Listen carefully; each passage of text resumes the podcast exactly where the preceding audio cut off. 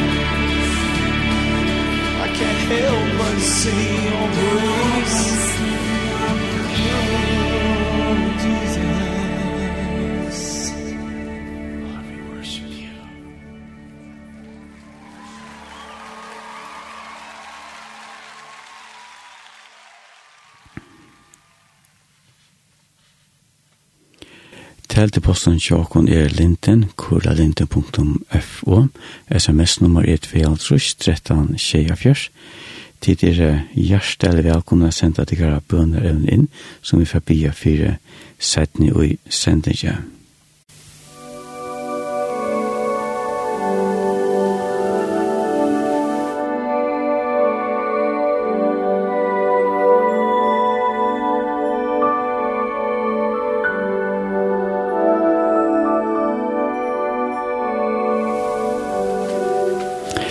Gjester okkara bor i Norrøtjenon. Han hever sina familjerøter i Norrøtjen og Esterøy. Han er pensjoneraver, og det som han damer og mynda godt til å være om Bethesda og på alle imenskar matar. Her du vindfolk som er uttalanda, som du ikke skulle høre sendes jam, ring til deg, si deg kunne lurt av neden noen, www.lindre.fo og trust av lusta. Det er bygge for øtten bønnen som kommer inn.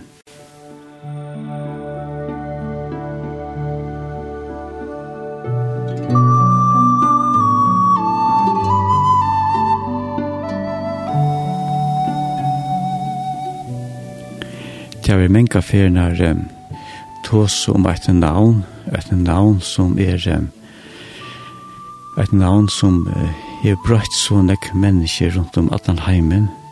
Et navn er uh, er færre vui om i allan heimen og til mennesker som kommer a kjenne eta navnet heva tidkjenne personen inntil sunn og kunne funja brøtt så liv. Og et navn til Jesus. Jesus elskar til av öttesunni hjärsta. Han er ikke så innerlig her at bjóa ser å komme inn til liv og brøyta til liv innvendig fra og ut etter. Det er nekk mennesker og talje størst som jeg har fortalt om ta det vendt seg til Jesus og be han komme inn til liv. Det har brøyta alt ut av livet. Det har kom frie gods inn, det har kom nøkseme. Jesus kom inn som en vevvisare, leibeinare. Ja, han var simpelthen alt ut av livet. Vi Hesen Jesus innskjer vi å kunne peike av, at du er mulig å kunne bjå inn i ditt liv, og du får et brøtt og godt, trygt liv framöver. Størst av øtten er til at ta du flyt henne fra, ja, så flyter du ein, heim til ein himmelska sted som te som fer undan okkon er og bojar etter okkon, vel Jesus. Jesus.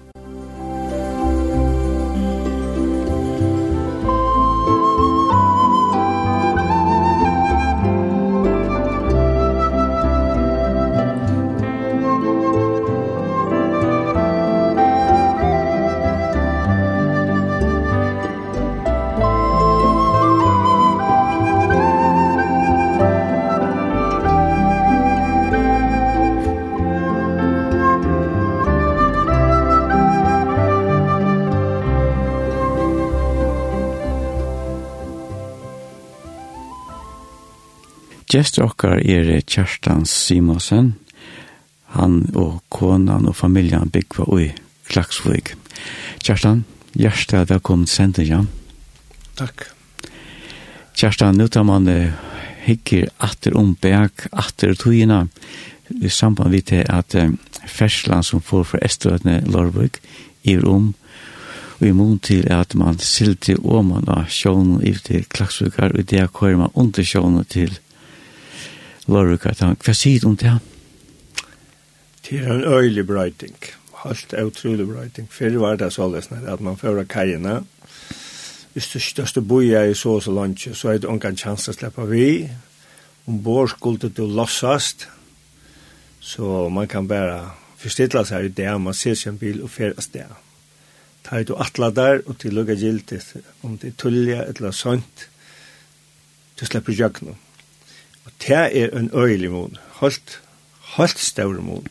Plus det man skal vant med bæg for bukler og alt mulig til man lærer loss her.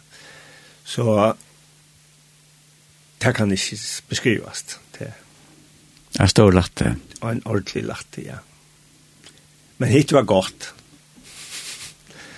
Det er sikkert. Ja. Altså, nå kan man jo fjerde fra klassfoga, og man sier ikke til at man skal hjemme etter man må jo komme hjem til at ta tror at fergen fer. Nei, nei, det er ikke som øyter. Jeg kan fortelle øyne ferne. Ta i arbeid. Jeg har alltid skal bare fortelle det nå. Jeg var kommet køyene i Lorvøk, og jeg arbeidde og skulle til hjem, og ta leie meg til tett når jeg kom til galven. Så jeg tok og leie setre nye av bilen, atter av og ordentlig, og Og så var det ikke annet atterfinn, jeg så ikke tettene noe færen atter av galven til jeg sov. Ønsken har purret ut, ønsken neka. så da var man sinte for arka år, men hon kom atter til kvalitet, så det var alt leie. Men måneder som man hoksa seg i det, man fer bilen, man køyrer her som man atla seg, og så fer man hjemme atter. Så det er en øylemon, og så var det hit. Der skipen er kvaluit som oftast. Så Jo, jo. Det er en ølmåner. Og godt.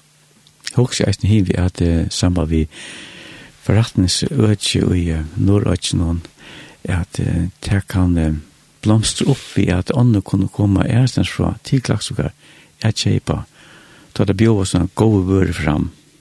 Sjålande, sjålande, sjålande. Vi er ikke at han finner kan annet, så det er helst framanför. så det här skulle allt vara hjärtligt välkommen. og vi tar og driver forretning her når sjølve, og til bor vel til. Det er ikke langere enn ur havn til klakskar enn klakskar havn, så det er, det er ikke problem. Så løs jeg hatt her, vi ferslene. Ja. Hva er det første du minnes atter og Kjerstan? minnest at det var. Jeg minnest at pappa var til Kips. Og jeg minnest at han var i Atlantsfæren og Appe mun, som var slekta av Lorvik, Jekvan Isaksen, han åtte kip Atlantsfæren saman vi Kjellbro.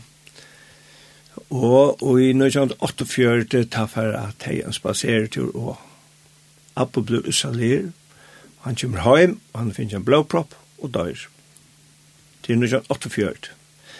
Og ta i bortje mun han øynaste av ötlun om og abbabøtten som var født til ta. Han opplevde bære han. Og jeg er så født til atra at hun var i 1948. Og papp om omme ivetog Atlantsvære fra Kjølbro og pappa må være vi i Grønland. Jeg minnes bare at det kom at det er det første jeg kan minnes som pikke, pikke, lyd, smadrung. Jeg vet er jeg kajene, og etter skipen den her skånarsten kommer inn om kajen her og legger seg sånn for kajen. Det glemmer vi omkant til mynden at og vi slopp i ombord og alt mulig. Mennene ble grunnet at de enn at vi var som vildkatter, vi får av rikning ikke bare veien, men altså jeg var så mye løytlet, jeg råkne ikke vi jeg kunne lengt opp, men Himborgen, han får dumt han opp etter, han måtte kom han her at det hatta bare ikke til, men smadrønnsjø. Men jeg minnes dette at det inntrykk i suttje kjipe firmaer og alt det der, og papp stendur av dekken, og sjálva han var vi glede. Det er alltid nesten det første i minnes, nekka særligt, altså nekka særligt. Så det er ikke det. Hvor er det en opprone? Ja, altså jeg er til Kjerstan Simonsen, og jeg er født i 1924, og foreldrene som er er Båtel, hon er Isaksen fyrr, og pappi at Jon, han Simonsen, han var av Gøren her i Klaksvøk, og om og opp i Gøren, det var Jes Christian og Gitta. Og i henne var det Jekvann Isaksen og Anna. Anna var slekta av Trøtlandes Det er familien som er her. Så hatt var om og opp. Og så er det så at jeg er neste eldste av seks i sjøen, og den eldste av Jekvan, Vi kallar henne bare for Ekka. Og så er det Anna, hun er og største er yngre enn jeg. Nå har hun holdt Anna er yngre. Og så er det Elisabeth. Og så er det Unn. Og så er det Bjørn. Og her var det såles at Bjørn ble ikke gammel dronker. Han døg som holdt unger. Så det er familjen som er oppvaksen sammen med. Og vi tatt det ordentlig godt. Et trygt heim? Et trygt heim til halvsikkert. Og vi kjente jo ikke annet åttan til at mamma arbeidde ikke ute, og pape, det 17 av togene, ta kort han bil, han arbeidde ikke kjølbrå, ta er smadronger, vi køyra traktor og kort lastbil og reparera og gjør det alt mulig her. Og, og mamma var hjemme. Minnes ikke til at mamma var ute til vi kom i skolen.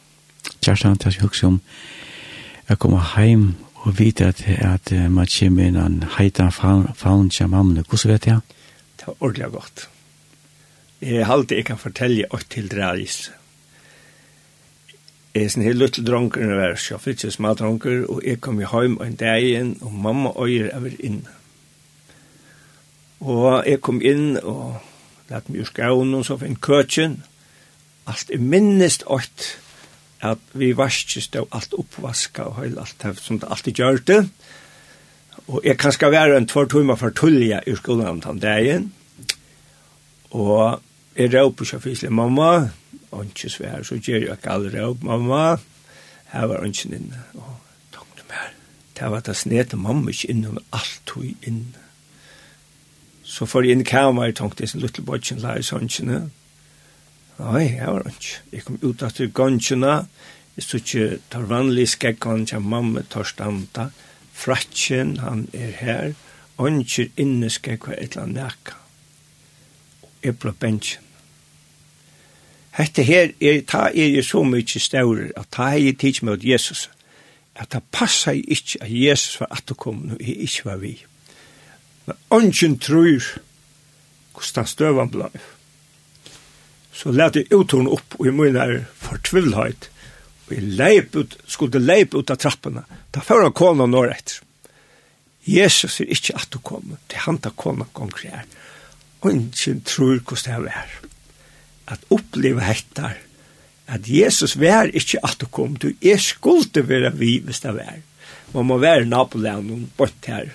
Så det vær ikke mer enn det, men, men, men hentan her, opplevelsen, av utfyrt hui at vær nu at kom at det passar ikkje det passar ikkje Jesus at kom men så snar vær det øyna fyr så til alvarsamt av være menneska det er ikkje bær det er det største feilje man gjer som er menneska det er ikkje snakk om og jeg kan bare fortelle at at, at, ta i er i en, i tår ikke sier sex, tjej, ett åtta år, tjej är Da så har det. Där fick vi omma kom ofta i utlockar. og var åntsja över Össamöll. Hon åtti Atlantsverige som vi satt i Janne. og hon tog seg vi okkon. Mamma og pappa løttes ikke bo vi vid okkon. bare til å få okkon i sunta skola, og alt det her. Men uh, hon tog seg om etter at takk tacka mot Jesus. og det her at Vær sikker ut i at kjem Jesus at kvært så. Og hon prata vi med, og jeg halte på ikke var øyne i køtjen, og vi så til lurta etter henne. Jeg kan ikke bare ut fra at hon er hilde med ved nekka for tvivleien og just her. Så midt ut i høyla så sier hon, Kjerstan, hette er slett god er ikke innvikla. Han er ekvelig. Han sier at han som tror av meg hever av et lov. Så jeg halte du skal bare ordne hatt av sjølve gav. Fær du i kameret, baktunne knøv i sånnsjena og folta, hendene der her, og si Jesus takk for at han er deg for det og du øyer av et liv. Det sier skriften. Tann og tror at sonen hever av et liv. Jeg halte ikke at jeg hukse at jeg var nekka verri enn nekka annar, etla nekka såret. Tank slett ikke hatt det men ta kombinar upp. Opp hatta vil i tritja mer at kjem Jesus atter så skal jeg være vi og jeg får inn her og jeg ber øyna ekvelja banslige bøn halvdige at jeg takka Jesus for at han deg for meg. Og jeg åtti av et liv herbant ikkje du er nekka men du Kristus har sagt det at han som tror at han og er av et lov det stender ikkje mer Det stender i hånden. Så det er det første i et hjørte som en smatrunger her. Men jeg vet vel til at jeg er veist av medalje nek som smatrunger. Og jeg minnes det at det er drønnsene som jeg ble det fylsast vi, 13, 14 år gamle, eller herre løy, så at det og gjørskål det kom til til hva Jesus. Så får jeg i vast. Og jeg halte ikke det var nekka snettet ut i, Men så får jeg gråpa. Er du ikke frelst? Jo, du er frelst. Minnes du ikke hinne for henne framman for sånnsina? Du takkar i Jesus og fyrir til han var deir fyrir til, og du øyer av et liv. Og hvis du leser i Ramabran, så sier han at vi må noen jottar og en til frelse, og hjertan tror en til rattvis. Og det er ikke mer enn det. Jeg følte kvart til at de tinkna i, eller latna i, eller nega som helst, eller nega. Men jeg sier Jesus i takk for han var deg for meg, og takk for for til verskan det Gjørsta Golgata. Og jeg øy er et liv. Og jeg omkant inn av lesen, da jeg ble kommet lusen langt opp og ble, omkant i ivast og jæs. Vår Guds har sagt dere til at han gjør det hatt av Golgata, for jeg bjerga menneske at. Han bjerga ikke bjerga, han, han gjør det at han bjerga ødl. Og så er hitt, skøyter man om det. Og det er fritt valg. Jeg gjør det da. Jeg takker i herren for han og deg for meg, og jeg er også et liv. Det er ikke godt. Ordentlig godt. Det er ikke mye trygt å sove hver kveld. Anka bekymringer om dette her. Hva er det vi tar i vaknjatt? Det er ikke deilig visset, jo. Hæ? Det er ikke en deilig visset. Halt, halt, jeg omøter litt. Det er ikke mye å sove, bia og takka for dagen som er færen og alt det der herre, vakna jeg opp at det, så, så er det godt, og vakna jeg ikke opp at det, så er det ikke at det er. Det kan ikke være bedre enn det. Og han sier, han sier at han og tror at sonen hever avtløy. Og han sier øysni om de som ikke skøyt om, vrøye gods vir verand, altså ødel, men det er ikke etens hava, hettar, at jeg får vissene og isen her. Han som her får öll mennesker om til vrøye gods. Og vi trygg av Kristus kommer man i rom fra deia, fra vrøyene, til lov. Så, så enkelt er det. God er ikke innviklet. En fantastisk godt valg. Et fantastisk tilbo å få av verdige mennesker. Hvis det er det. Og det skjedde i Edens hava av tog av menneskene våre, lustet jeg ikke etter hva Gud sier, og løte seg dara. Det var det som falt. Så her stendte det. Og det er nek som har nødt til stora gavn at du brøttar liv. Absolutt, absolutt, absolutt. Og i fargen, det er nek for føringar som har tidsmått Kristus. Kristus Så løser det. Ikke til at jeg helt var nok så ringta til egna meg da jeg var en lydel dronker. Gjør det, ja? Ja. Altså at her, da jeg tids mot Kristus, og da jeg så sa henne som søtte til at da jeg tids mot Kristus, og det var ikke snakk om, altså, det var en ordentlig brøyting og alt, at det kan jeg slett ikke snakke om. Men jeg har jo sagt Jesu takk for han deg for meg. Og han sier, han som gjør det, han øyre av et løy. Bjørsmål. Bjørsmål Og det er enkelt og einfalt. Og almindelig. At ene kvar. Ja. Ja. Godt gjørst. ja. Vi øye er en veldig en god. Og ikke bare til at han så skal vekk fra. Som er født, multihandikappa er, som er født vi en bøyne for stort, en arme som er etla ånkan, og vi skulle være ombrøyt, og vi skulle være lukt dårdar lika med hans herre. Det er ikke klart der vi. Og hvis man huksar om, ja, jeg huksar bare mot lov, jeg fanns nu var vera 44 år, jeg har haft det så godt. Signaur, vi fyra bøttene, og hva skal jeg? Jeg skal bare si takk, herre du gav i meg. Kjerstan, du ryker. Ja. Ja. Skulle vi teka etter det, Kjerstan? Ja, jeg er hoksa med Han tar sanjen som sækar synker, er som løy til pilter. Han er i hugsa meg hårdt.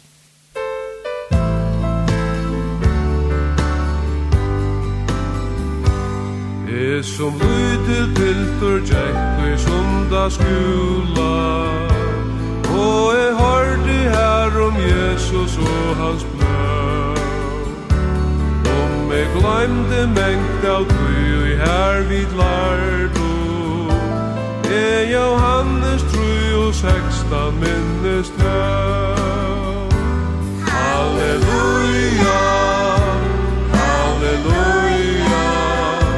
E Johannes trui og sexta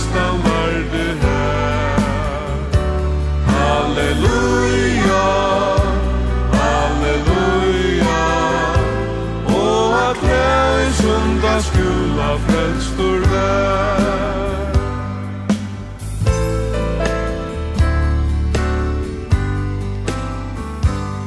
Enda dagen ta jeg vær i sundagsskola Spurte læraren med ta jeg for av sted Si mer om tu trorsk Johannes trøy og sex knæ og græt og seie ja Lutla hjarta mot her gode måtte takka. Et at evigt luvan heie vunne med Og tan degen ranne heim og seie mammo Et i frelstur tjøknum hetta verse vær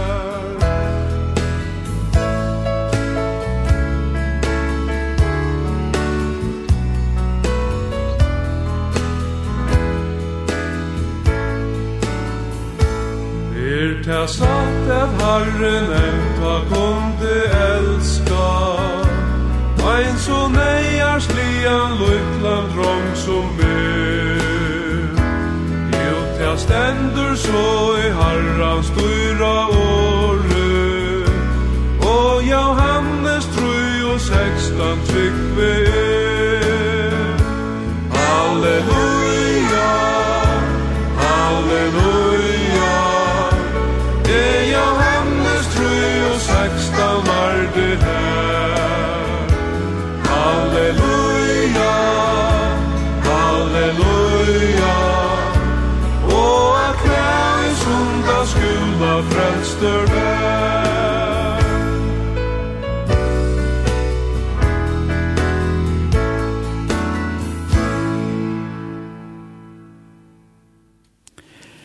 teldeposten tjokken i linden, kuralinden.fo.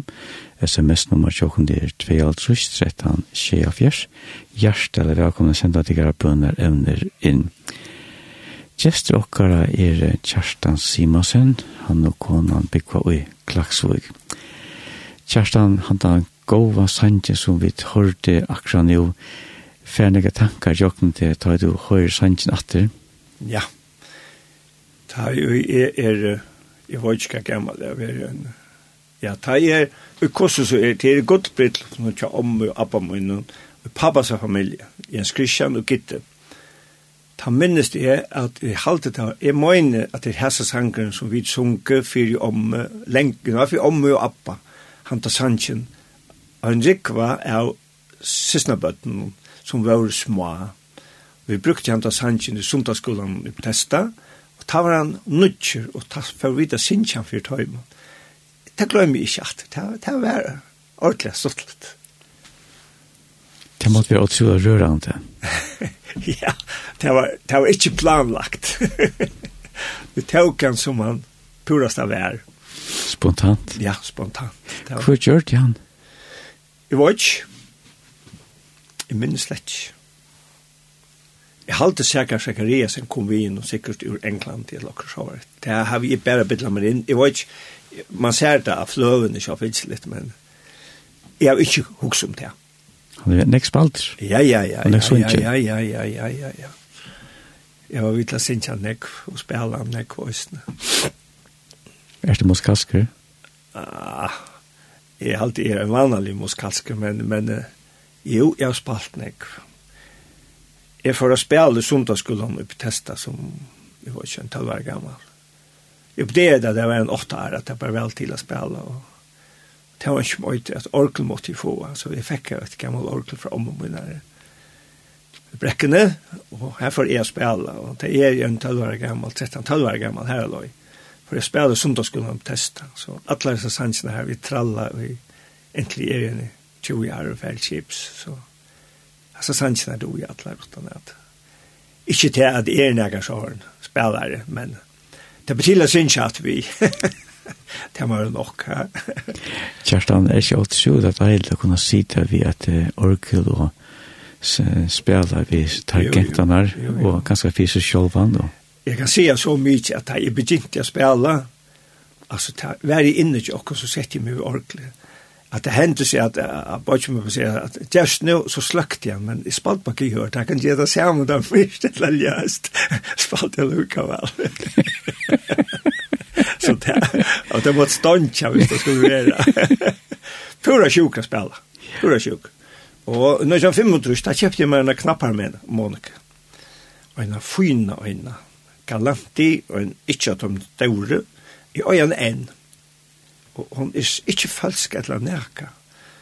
Så det var øyla stortlet. Vi platt i òsne ungdommer, da vi var sammen forskjellige dronjer, Steipjen Jakobsen og ærer og var her, så la lå det kort i middelen husen, a knallest og kuffert kuffast ved sida, og vi har månek i og. Det var virkelig hundalit. Sunke andalega sanje etter om Jesus. Det var stort litt. Steiligt. Det er ordentlig godt var det. Og jeg har jo månken enn, hon får inn, hon er ikke falsk eller nekka. Det er sier Kjerstan, det er nekks dyra bare minne som er knyttet at her morgen. ja, altså, det var pura vanligt, og sånn og kvalt, og det var frost. Det var helt sikkert at det var gattemøte i gamla kyrkik. Jeg var ofte vi spalte på harmonika her i huset. Så det, det, det var stort litt. Det var gledelig. Det var det som unge dronker. Han sier ikke han er gammel, eller hva det var, noe sånn her. er. Jeg forvent alltid til at det er i livet som vi snakker om, Kjerstan, at, at jeg kan, jeg kan, jeg har speklet seg ui, som jeg sier ikke han gammel runke, at det fer ut og spela, eller spela på at det er eh, harmonikerne. Det er en driv med innvendig fra, som driver det fram av en glede. Ja, det var det. Var det. det var det. Det var det.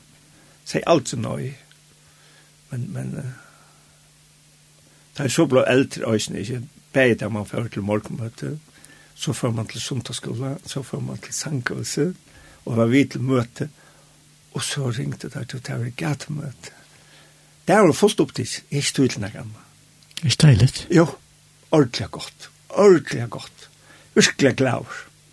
Og fyllt enn jeg går løyven seg? Absolutt. Omgat vi utrustet med over vi har nokka gjøre, og vi har nokka form. Det er ikke godt. jo, jo, jo, jo. Det kommer an på hvordan du gjørst. Det kommer an på hvordan man utfordrer seg selv. Kjerstan, hvis vi venter oss alltid til at det er klaveret til omdene, hver kom det fra? Ja. Det har jeg oppe kjøpt nere i England, det har han her i Atlantsvær, og tar for nye å selge, og sikkert som hadde en fisk under førre, og kanskje om vetren, eller var i Osland og kjøpte fisk under brunnen, det var det slett ikke. Det var bare det at jeg finner vite orkle som om og åtte standan her, det kom ur England. Og det var ikke snakk om det. Jeg kom atter jeg hever kottla for ferie, så måtte jeg få et orkel, tror jeg, at det kittlet så nekk for fingrene, at det er bare stil at, at Så mamma sier vi, vi spyr bare om at du ikke bruker orkelig her. Og det var ikke holdt hele år, så fikk jeg orkelig. og det er stendt til kjattelen jeg mer. Jeg vet ikke hva det endt her. Det er det som, det er som tog inn å vise. Og hva kan man si at det er det størst søvlig vise? Absolutt, det er jeg og kjærsta for jeg kødde vekk. det må omkring etterkommende gjøre hvis det skal være. Alltså man man vet ju att det är just att det är snäcka känslig knutte är det som mer man spalt. Jo jo jo jo jo jo jo. Det var ett gammal pump eller det var pump i Oakland som var brukt ta som de köpte i hem så. Men det är pent och till lucka pent ända det och inte vis kom foiling och så här. Mist och det är bara sex toner att att träcka ut. Det var ju större än det. Att att dåligt orkelt himmelkjørstan. Du sier det mist, det er myrke farvene som kommer frem at nu. Nu, ja, ja, det slett ikke om den. Nå, jeg reparerer sin til det vi felt betalen, og, og lukene går opp, og nå når jeg over listen av brottene, og et eller løsene, så jeg har på på det. Jeg vet ikke, så var ikke det, så stekker man, man arbeider, man støy, og, og så stender bare her. Men, men, det er alt det stender godt. Det er godt det her, va? Ja, Jeg tar ikke, jeg har jo nok å gjøre. Jeg har arbeidt lykken til nesten til jævler nå, og jeg har vært pensjonist i seks år, så halsen er gøy, og jeg skal bare drøye. Er ikke godt det er en god helse, Kjartan? Absolutt, absolutt, absolutt. Det er døyla. Det er døyla.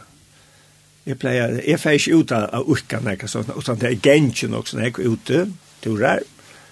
Men altså, så har vi noen sånne trampa uh, opp og nye vid, Jeg rønner gjerne noen øvelse på sånn, så sånn at boken ikke fer søren til. Og det er det godt. Jeg har hørt om at det er mennesker som til med sykler og genka. Flere av dem lever øyla lenge. Ja. Jeg har hørt om forskjellige som som jeg har ikke assoløyv. Det er oppe i furs og femsar gamle. Ja. Vi røyna genka sint, konan vi. med. Det er ikke snakk om. Det er det. Kjerstan, samband vi ta og um, du var baden, hva, hva spalte det som trenger? Vi spalte, det har vi kjørt i alt med fotball, det spalte vi et halvt øyne, og, og spela, spela vi smav om bilen av gære, altså det her. Det måtte være til pappkort i bil, og så var det kjølpro her, og, og, og pura sjutja spela bil, ta minnes, og vi gjør kassavåkna her, Og en av gjør det en buss, og halte vi kunne være trutcher i pjoi, men det var slett ikke snilt, tog jeg at og ikke tomt jeg kører, at ta trutcher seg ut i njoi. Så han var nekvar større, men, men han var stortlig, vi gjør det en ordentlig horar, og man kan sitte i njoi nå. Så det var et opplevelse for seg. Så var det et annet som vi får ångten, om man er stenker, om man er som kjølper hei forretningsene, og Så og det var det rinkaste mamma hørte om da vi får om det. Det tror jag at av dette er i mittelbrickvarna her, Det er ikke bare å si det. I minst øyne för en ung dronke for å sykle, Under förrättningen kjølbrunn og etter, og da han kommer halvt norr, så skal han bremse og venda ned etter, men tar arbeidet jo, han tar fisk her, ikke? det var ikke bare, han kort bremsen av fyri, han flei lengt ut av sjekk, sitte han til suklene. Han tog til å svimme, at jeg var bare 8-2-3, så kom han inn at det, men jeg, jeg glemte ikke at han flei ut av sjekk hver. ja, men så tar vi for om Åman, ta øyneferiene, ta var det sånn at ta høtte seg her våknene som at håndtak framman fire her te julen var sånn jul som kunne melde rundt og 18 fyrir var det først så vi sette jo åkken 18 fyrir Så korte vi fullspyrt under forretningskjølper og her og så var det atter og fram. Vi møttes, men ta dem til månen og øy i et lavt, da man får spille av våknene. Ta var alltid bengt for ut og skjegg. Og det gjør det jeg. Jeg får drønende ved en som våkne, jeg satt på pianon, og jeg rakte en ring som det brukte jeg binte i, som var under forretningskjølper. Og det var ikke mye, jeg og våkne, vi fløy ut av skjegg.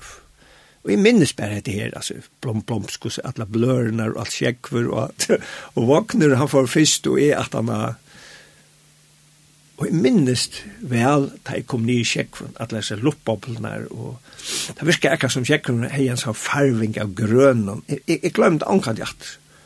Og så hoksa jeg ut, at jeg kom nye i skjekveren her. Hette var forferdelig. Og jeg minnes det kom opp at det, Og jeg minnes at jeg med over på kajen røpte, og smadronger dottene skjegg, og så får de nere i vattnet. Jeg får ordentlig ondt, og jeg kom ikke opp at av veien. Og da kom tvei ting fram i høtt av meg. Hva for mamma sier at han får bo inn, at det var deg drukna over. Og hitt vær, løyve vær stått. Det glemmer jeg ikke at. Og jeg kom opp at det, da stod jeg med over, vi en lengkaka, og han rattet med han, og jeg tok bjergsynsene her på at jeg held så fast om den her hekan, og han heier krok nekra, ja, andre hånden var nere ui her, og hinn om og fyr. Han heier meg opp, og jeg helt og jeg alle veien opp. og det var ikke mye, det kom på land, det var bare å slippe seg sted, og han for kjøtt. og jeg rann av sted nian etter. Og det var kommet halva veien nian, og i brekkene nian møte kontoren til Kjølbro, og ta kom arbeidsformeren undan og røpte, du Kjerstan, kom bare om han at du vakner inn opp at det kom. Men minnes bare at jeg kom nye. Mamma tok vel imot meg. Men det er bløy til dette her. Jeg har sagt, du skal ikke fære om han etter. Men hun tok vel imot meg, og hun var klæs og fyrst, jeg kom atter og til gauen, og enda som var, jeg var vater. Og jeg fikk bare høyta mjölk og drekka, og jordklaven og opp i bergkær og det var velt. Men det kunne være galt Det kunne være helt alvorlig Så hatt av et her. Kjartan, det er mye som var og kjekv og bliva kalder og det stendte om liv og kjem nye til mamma sunna og en heita en heita faun, hvordan føles det? Ordentlig godt. Ordentlig vi tog, mamma glepp seg ikke etter meg et eller annet nærka som helst. Og så jeg bare, det var ikke godt. det var ikke godt, men gav, ta, spalte vel av, så her, her, her, her var det. Men, men, uh, oversamt. Jeg husker en til, ikke? Det lukkast ikke, Nei. Nei. Det som jeg husker om Kjerstan, det er at tar man fire seg og man er under sjån, at man kan huske så kjøtt på setningar som snakker jo. Ja, ja, ja, og man kan huske om hatt der. Men det må være tog, ja, vi tar hoksa om, vi tar tog som avløykan inni seg okkur. Hvor kjøtt lui vi er. Hvor så kjøtt er affære her, og alt det der. Så at, at, jeg hoksa i hattar. Jeg, jeg, jeg minnes vel han da tankan at jeg skulle si etter at løyve var stått, og hva for mamma sier at jeg er fra bøyen. Det kløy meg ånkat etter. Sterskår. Ja. Ja. Så. Kjartan skulle Det er å være forberedt på avløka. Det er ikke snakk om. Det er det viktigste man gjør i livet nå. Viktigste vi gjør i livet nå. Og det beste. Ja. Absolutt, absolutt, at, at leva og hisne her vevnen er at kommer herren etter at det skjer okkurs, så er det heim til hans herre. Ja, men heim, at det som jeg husker om det er at og her så nuværende er en løyve vi leva, det er stort av tog jeg bil vi hava, er at ødden sånn gleden, frien, nøgse med, alt springer ui Jesusen. Ja. Det stender alt ui tui. Det stender ui hva han er, og ikke hva vi er. Og det kommer ikke stand ui tui om jeg er så så gaur, etla såløsne, etla neka såret. Det er nai hans herre. Endel løysingsene som er av Golgata. Her er det. Han bjøy i öllum menneskjum hettar. Tan som trur han øyer avtløyf. Og, og det er det viktigaste så kan hver dag komme og fære, komme og fære, til alt leie. Og vi vet av mennkene at som mennesker tar, tar livet og et liv som er veldig rævlig tungt av livet. Men ta øye hesa vevnene, som ikke gjør til skammer til det igjen, det skal vekk igjen. Det er for høymene dårlig, som er halten og, og alt mulig, og ombrøytast, løytjast dårlig er likam Kristus her fantastiskt, ordentlig godt. Et ordentlig fundament av sand da? Ja. Det er jo ikke snakk om. Kjøtt om stormene kommer. Ja, ja, ja, men, men, men, men og til det, til det samme hvor du erst. Om du erst en som har Kristus til, eller ikke. Løyvi er så løsne, ikke? Og det er ikke måneder da. Men Kristus er en samme for alle mennesker. Han er deg for alle. Og skøyte du om etter og et slett ikke innvikla. Og du fast en sånn av fri og i salen og alt det der, at øyer hesa vevnene. Jeg kommer Jesus atter, så skal jeg ha en plass her. Det er jo ikke større enn det. Vi kunne ikke vant dere når jeg kan noe større.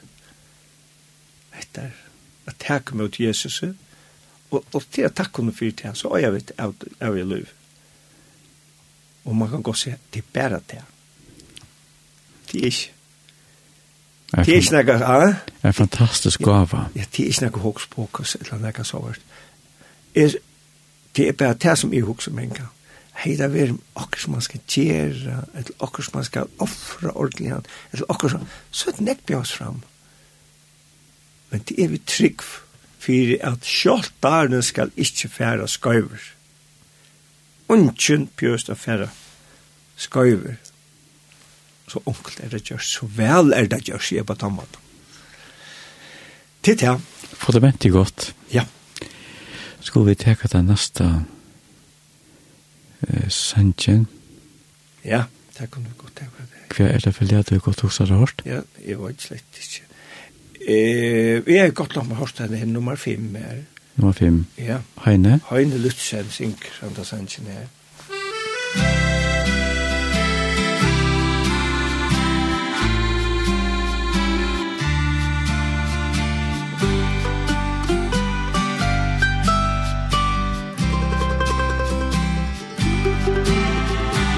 Jesus han sigur E komi kjøtt Komi ui skutjonon brått. Ers tu a salmoin Til reiar ta? Rå kjemur ui mitt annar Jesus attur er her. Kjøtt Jesus attur er her. Sælur er tann som er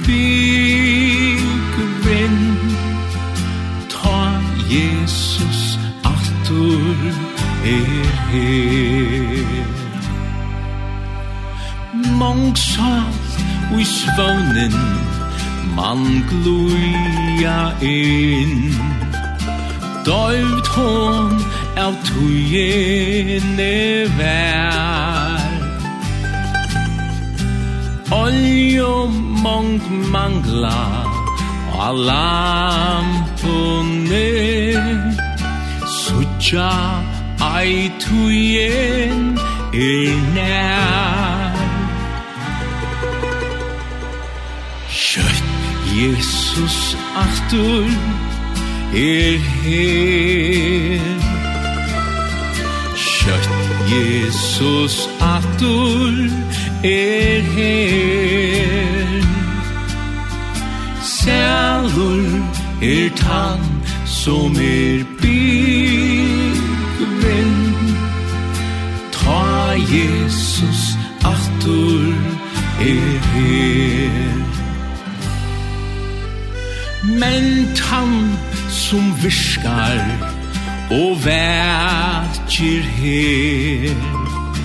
Vantar sin brukom og vi Sær at hans koma er sjara nær. Gleger seg til himmelen. Kjøtt Jesus aftur er her. Kjøtt Jesus aftur er her. Sælur er tann som er byggevinn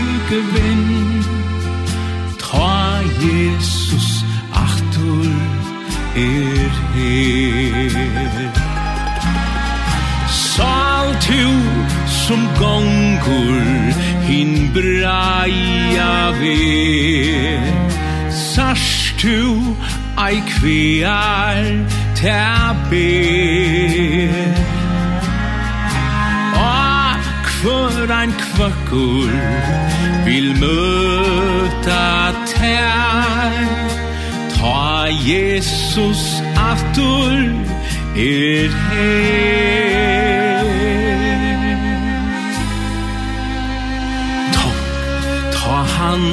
atur er her. Tomt ta han atur er her. Sælur er tann som er byggvinn Ta Jesus atur er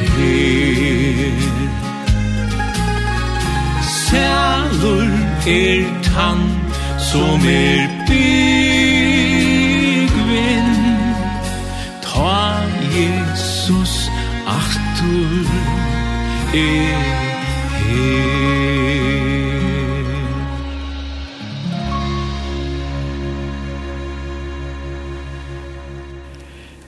Telteposten tjokken er linten, kurlalinte.fo, sms-nummer er 2.13.24, Hjertelig velkommen å sende deg bønner evner inn. Gjest dere er Kjerstan Simonsen, han og kona Bikvi Klaksvig. Kjerstan, gjekst du sundagsskola? Ja, jeg minnes alt du har gynnt sundagsskola. Alt du. Og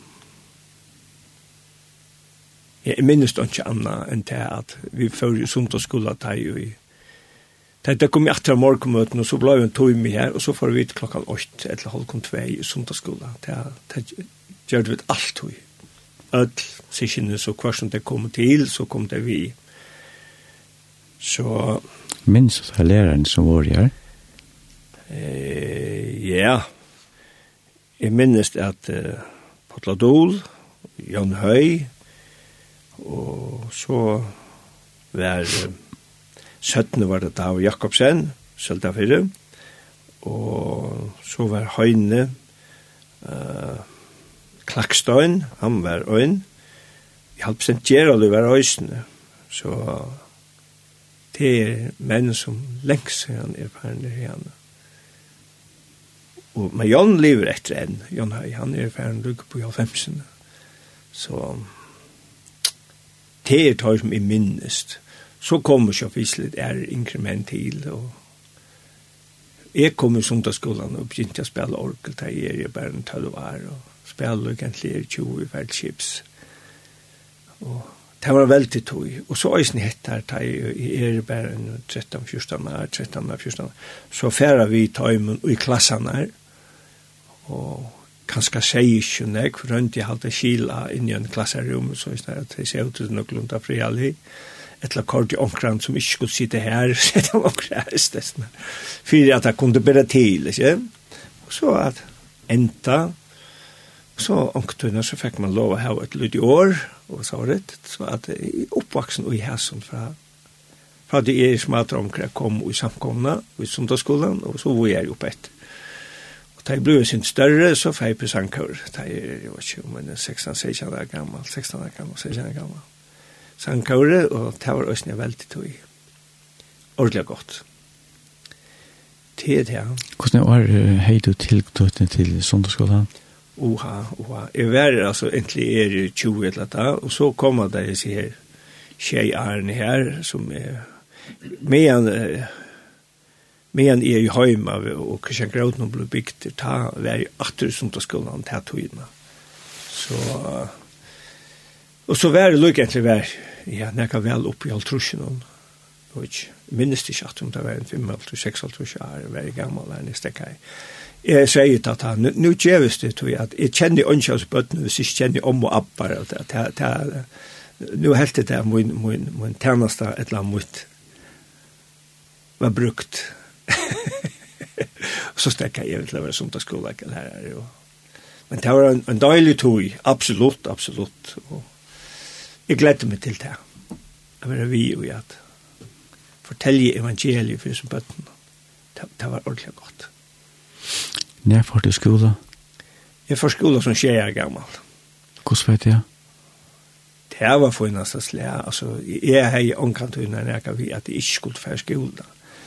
Men jeg må si akkurat som jeg, jeg, jeg var ikke da. Jo, rockning gikk ordentlig vel. Det var ikke problem finaste slag og allt allt som hej vi såg det göra.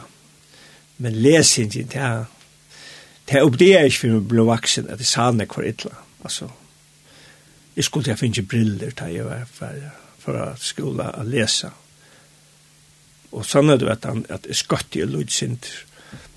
Och så kommer det til det att du ska läsa och så gjerst ut ut på å lese, og så ganger det ut øyeblikk, så ser det ut akkurat som M og N og alt. Det blir livet til lysen. Så spennende du i at du sørger er i ordan, alt ut du skott i lysen.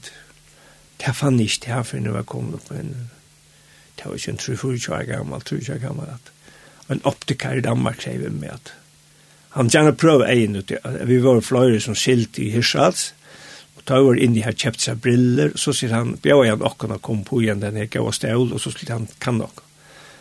Han tentra i et apparat, og han kort til lutsen, så sier han bare, du tømmer ikke lese. Jeg sier, nei, jeg tømmer ikke lese. Nei, det er så ikke.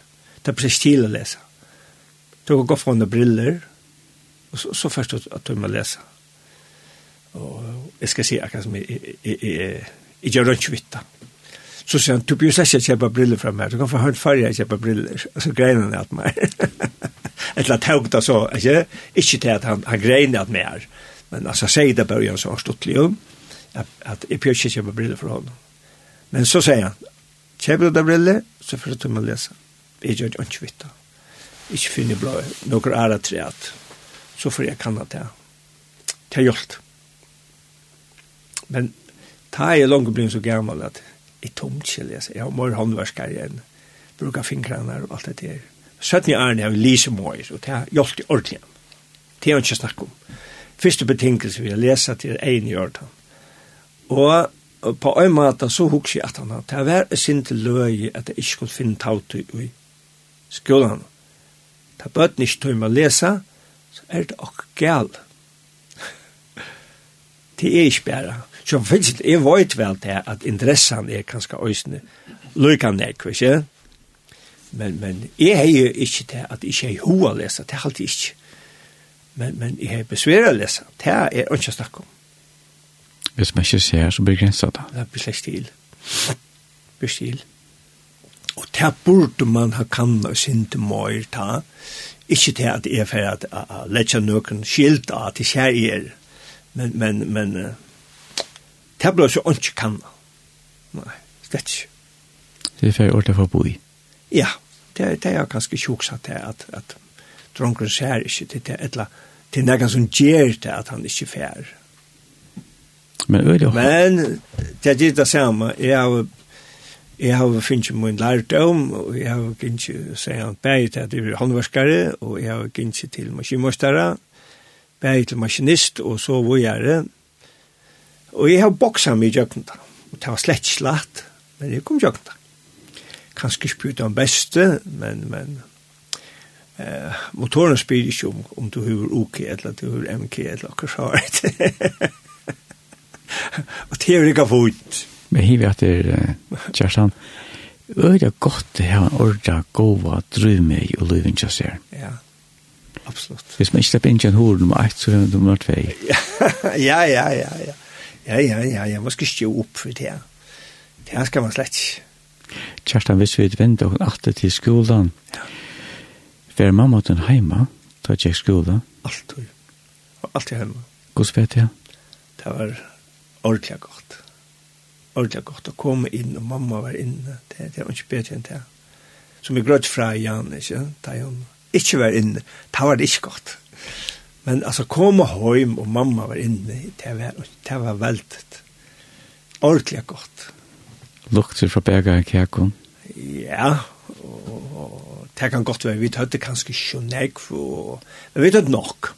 Vi er minst omkant til nekka så var det ikke, at, at vi mangla og nekka, men, men det halte vi måtte hava det minst lukka godt som ørebøten av munn alt, det er alltid. Så, så Det var veldig ordentlig godt å komme hjem. Mamma var inne. Ja, jeg forstilla der det. Det er ikke det samme. Ikke det at jeg får nyesette nek og tog i ødelendelsen her funksjonen som er til kjærgjere. Men altså, Da sier han en maur her, klaks. Han sier, hva er det møter en maur hjerte? Det skal man ikke forsmåa. At det er bare så. Ja, ja, ja det var virkelig godt. Det er som jeg husker med kjæresten tid til at her var en mamma heima, og man kommer heim med en heitan faun, og man setter vi bor, og veldekka bor til mamma. Ja. Det er jo ikke sånn det. Ja, ja. Jeg minnes alt annet østene, ta er halsmatronker, ta var en hestersloppen leiser, han tjekk om av husen her til okken, han stitt leiser bort om han nian, om han møtt køksvindan til okken. Og jeg vet ikke hva han er fra 15-20 meter fra, fra køksvindan til åk. Ta minnes det mamma tok meg på knøyene. Det er mer sikkert ikke dumt at hesten som stod her.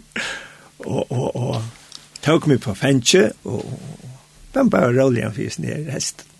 Men så får der vi inn, og løt hjertan. Jeg skal fortelle øyne er og stortlig at jeg er pikkeløyt. I nabolandet til åkken her, det er åtte det enn jeg gett. Og Hon stod bant oma fyrir husen til okkom, og i en tjaure. Og i minnes nekka vi mamma sier, du må ikke færa til hans getene.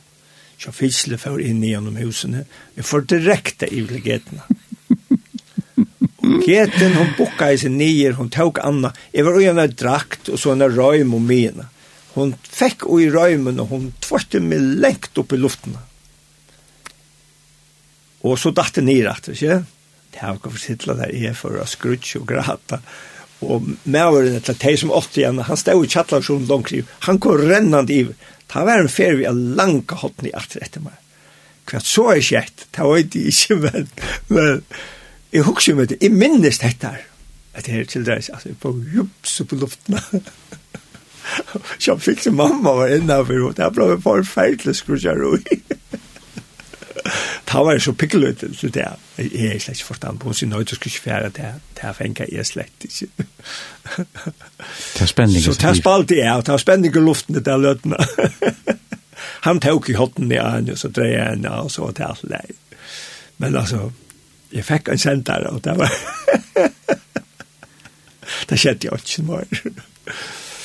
Så man har opplevd litt sint av hver, og det er hatt jeg for å starte att det ska man tog tål alltid. Jag borde pröva det forskjellige. Det är nekka ett ranchen till att ta, ta pröva forskjelligt. ja, ja, ja. Kjartan, da du var åtta år gammal, hva skjedde da? Som åtta år gammal? Da tok jeg meg til Jesus. Ja. Hvordan vet jeg? Ja, jeg, jeg, jeg har nok om det alltid at, at om og mun kommer vi til åkken. Og hun fortalte jo okkur, bare bare om hun og mer om dette her, at kjenne Jesus. Og hun er jo tåsa halvt sikker så løs at hun er sikkert for tvivla over det være. Altså, jeg glemte omkatt i atter. Jeg minnes det at at, at uh, hon sikkert gikk rundt av køkskallen her. Vi var helt ikke hvor var hjemme eller neka. Om hun var inne ikke okken eller neka så var det. Jeg minnes bare jeg satt bort innenfor køkshorene. Og hun sikkert sier at jeg var neka spyrjande tvivl av om hesa støvene som jeg var kommet i her. Og så sier hun med meg bare at kjæren gav, du skal bare be Jesus kom inn i hjertet kjæren, takka for det. Så sier hun, fær du bare inn i kamer i Øsamattler og ordne hatt der. Og det gjør det. For inn, og jeg bakte mine knø framfor sånnsjene, og folta i hendene, og sier Jesus, takk for at han var deg for meg det var ikke noe innvikla. Takka jo for det verskene jeg gjør for åkne Golgata. Hette er jeg hørt om for at jeg var pikke, pikke, pikke lydel dronger. At han som tror er Jesus, han og jeg er utløy. Det gjør det her kvalt. Og jeg var ulig glæver akkurat da. Men det er så vokst til og lyd sin til bare en 2, 3, 4, 4, 3, 4, så tar jeg henne snakka jo med det, at han var kommet til sikva Jesus, så hvordan velte dette var, så får jeg ivast. Men, ja, men Kjartan, du, du, du har jo sagt Jesus takk for det. Du latnar ikke for det, eller, eller du fast fastnæka, eller, Tja mer var ikke, jeg venter meg til Jesus og hei om takk for han og deg for meg. Og her enda jeg er hver jeg fer. Aktet til hetta, hitt kvöld i kameran og ta du bogte knøyene, og du folda i hendene her og sier Jesus takk for at han var deg for til. Her enda i kvarja for, at ta fikk du et avtløv. Vi trygg var han, og det stender ikke mer, det stender og hvordan han har gjort for oss. Og han sier, jeg skal ånka det sleppa det, jeg skal ånka det færa fra det. Om vi færa fra honom, så er han her. så, så godt er det å ha tige mot Jesus. Og ta vissen øye enn det. Og nå er det ikke hver igjen. Rattelig er det ikke hver igjen. Så at... Uh, og vi blinkar, blinkar. Ja, ja, ja. Det er ikke snakk om. Jeg står ikke for noen dager som kommer. Lett ikke mer sove. Og vi takkar god for dagen. Og vi tar noen bia fire. Det gjør jeg be for noen mennesker som vil ikke mer hjertet be for og annet tøylukt. Nek som gong fyrir seg samkomne og annet tøylukt.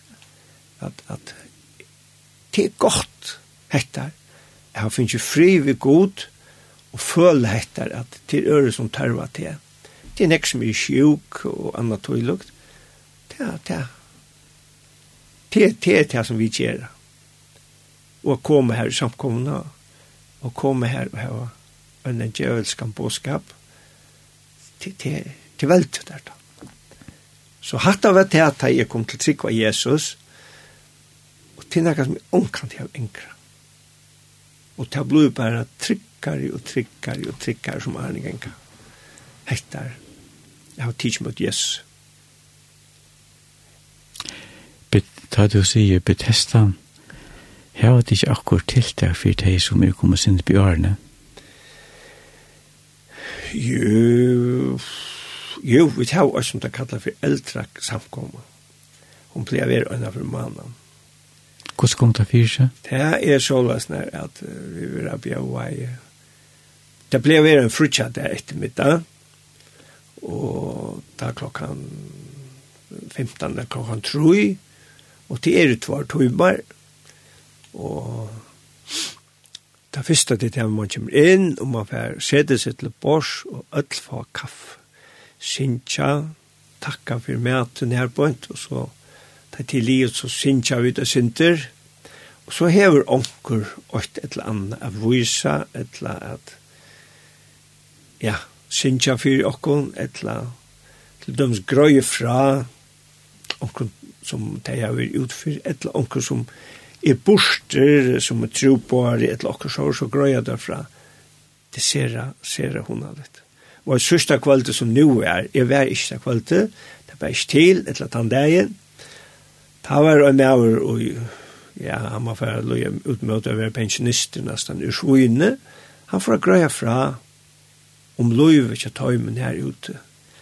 Avhåverst. Pjusje var så negv, et eller annet innvikla eller nekka såvarit, men hetta, hvordan vær det å være oppvaksen i en luttlar bygd, og, og såvarit, ja, ja, det var sikkert ordentlig interessant. Og at han er opplevd at det er så, ikke, det er snakk anna. Oh, det er det er, eldre samkomma. Så er det sånn vi samlast, så og morgen kommer det brauta breie og teka vunnen. Hetta er a minnast Jesus, hvordan han løyf i okkong, og så brei blei bråte, vi teka autoi, og minnast at han blei bråten etla neltu til krossen for okkare sinter. Og vi teka vunnen og minnast til at han blødde ut til sørsta dråpa. Vi er, menneskene er så glømsk. Og tog sett jeg netta stavn, at teide koma saman skulle minnast med enda morgenen. Så har vi sundagsskole 18 døvra, eller ta 18 om kvalitet evangelsmøtt. Og ta tossa vid evangeliet. Det er det som er møyning vi tog møtt. Og som andre kvalitet har vi et bønnemøtt. Og ta er det her at bia fyrir sjukum og fyrir onkron som skal akkurat bia fyrir sjåfalsen for landjokkara og öll møylig og sånn. Det er så ligger øynene hjertet, det er for han. Bira han, bira han. Takka god fyrt til at han har gjort oss så lengt mikrokvalt har det oppbygging. Altså, ta tås av det oppbygging, altså, utforskriftene, lærespurningar, eller om imisk ting og så hvert. Det er ordentlig godt. Og, og til dem som torsdag, det her var der sangøvelse, kjører kommer ta, høstkveld ta kom et ungdommer, her var møte ta klokka åtta og en tvær timer fram. Leierkveld ta kom et kanskje det som er løsende yngre, Og ta kommer omkring her en bådskap til deg, og om vet du veterhalvene, ta kommer kvinnerne sammen, og en frutja kvöld, og en av tvær timer fra klokka åtta og ut etter. Så tiltøkene inn jeg, særlig om vi øyelig enn jeg brukt, Ordelig enn jeg. Så det er til, til bare gledest om. Her i middelen er forskjellig anna.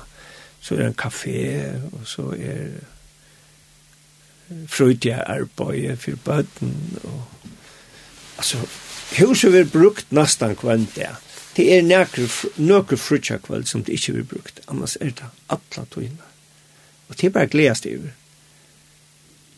at det kommer sammen her. Og det er om Jesus. Det er underfullt størst. Ordentlig godt. Det er godt det har gått omstøver til det. Ja, og vi tar var å finne gøyere omstøver. Herren er virkelig sikk nok om vi har smutt i husen. Det er ikke snakk om. Det skulle vi bare glede oss om. Hvordan er hår, hva er det ut av nettet til sånn tid?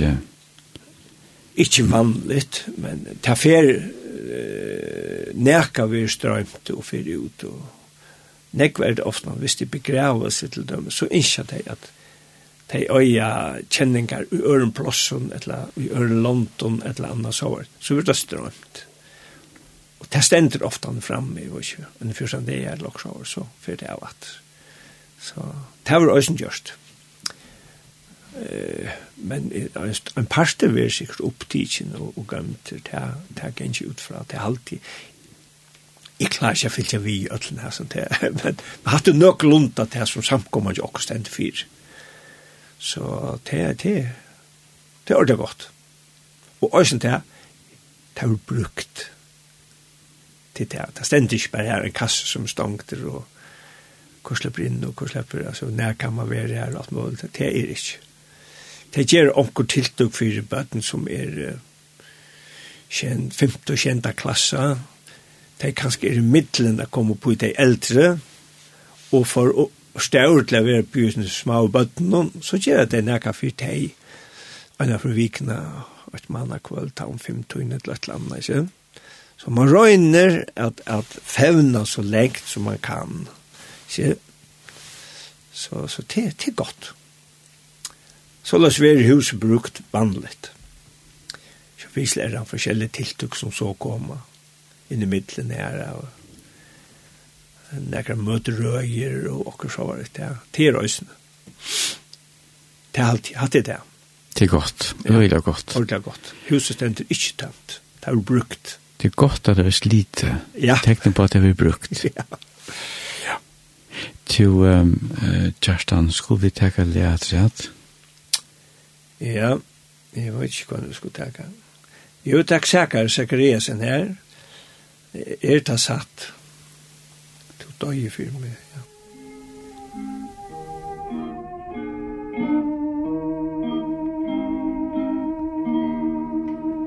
Go gavst hun så nært frelsa meg Sende han til Golgata. Skoldar frøyur her hans liv.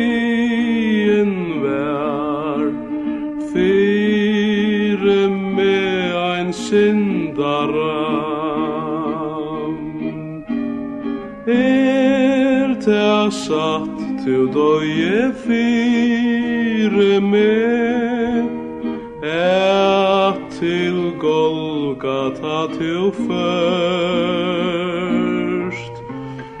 Ontsje offore kan offra ter Herre Jesus er og størst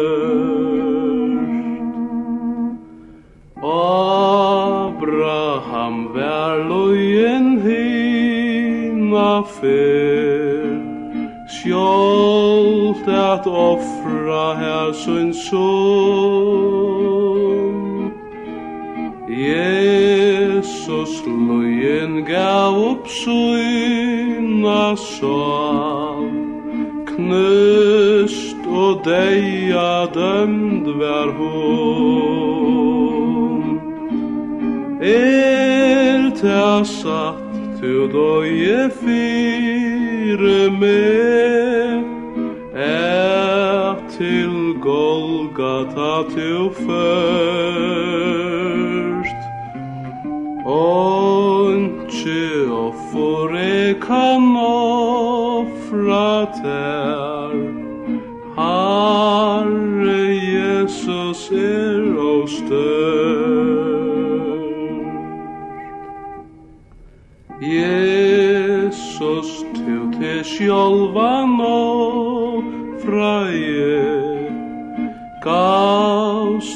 besta fyrir meg. Skulde er ta ikkje givin nu Alt mot besta fyrir til Ta er satt til døye fyrir meg. Golgata til først Tøy er ontsje som er ofra kan Jesus fyre til oss dørst Teldebassen tjokken i linden kurlalinden.fo, SMS nummer tjokken i 2 13-24. Gjerst er det kommet å sende til hva bønner evner inn. Gjest okker er Kjerstan Simonsen, han og kona bygge i Klagsvåg. Kjerstan, du får ur skolan, og nevet til? Du tar i 15 år. Jeg gikk 8. klasse littnan. Vi var det første som gikk i 8. klasse. Det ble avsett. Det er året som vi gikk. Og henne før jeg ja, det første, det var i sommerferiene, ta minnes det landa i en, en, en løgnebad som kommer i Nordfondland, eller Grønland, eller hva er saltfiskebater. Og så får jeg hjem, for jeg får, jeg får arbeid av lakren tja kjølpro halsel. Kjør til ordrar, og kort ut, vi, vi, vi, vi tog som kort vør ut i bøynen, og forskjellig svar. Det var jeg her nesten i tvei år inntil jeg seg kjenner gammel. Det var et døylig arbeidsplass. Vi tatt det ordentlig godt. Men ikke fyselig, det var knoss ut i gamle husen og nær. Det skulle køres nye jøkken slisker og, og forskjellige sover røren, men det var også til. Og Tari Lindberg var lager her, og Jekvann Isaksen var arbeidsformøver, og vi var fløyre som, som jeg var den yngste av et eller annet her, Men det var godt å være. Så, så yngst jeg til å lære, og, og så var det bilverste akkurat stående, gjørst her når jeg stående noen, og, og jeg får her og spurte om jeg kunne slippe lære, og det stappet. Så vi var trutje lærlingar, tvar 15 14 gamle dronje, eller 15 her, og jeg som var en 16 her. Så vi var trutje lærlingar, og det tappar vel til, og vi arbeidde her som at Lukas Hansen ur Goethe var, var, var mostare tjakon, han var tog hine var smiemenn som åtte da. Jan smiemenn, og så tar kom det ikke standa for lærlingen eller nekka. Så, og han var bare en tvei, eller tog jeg helt igjen jeg, så vi ble mer vimmen enn han var former og benka jokken på plass.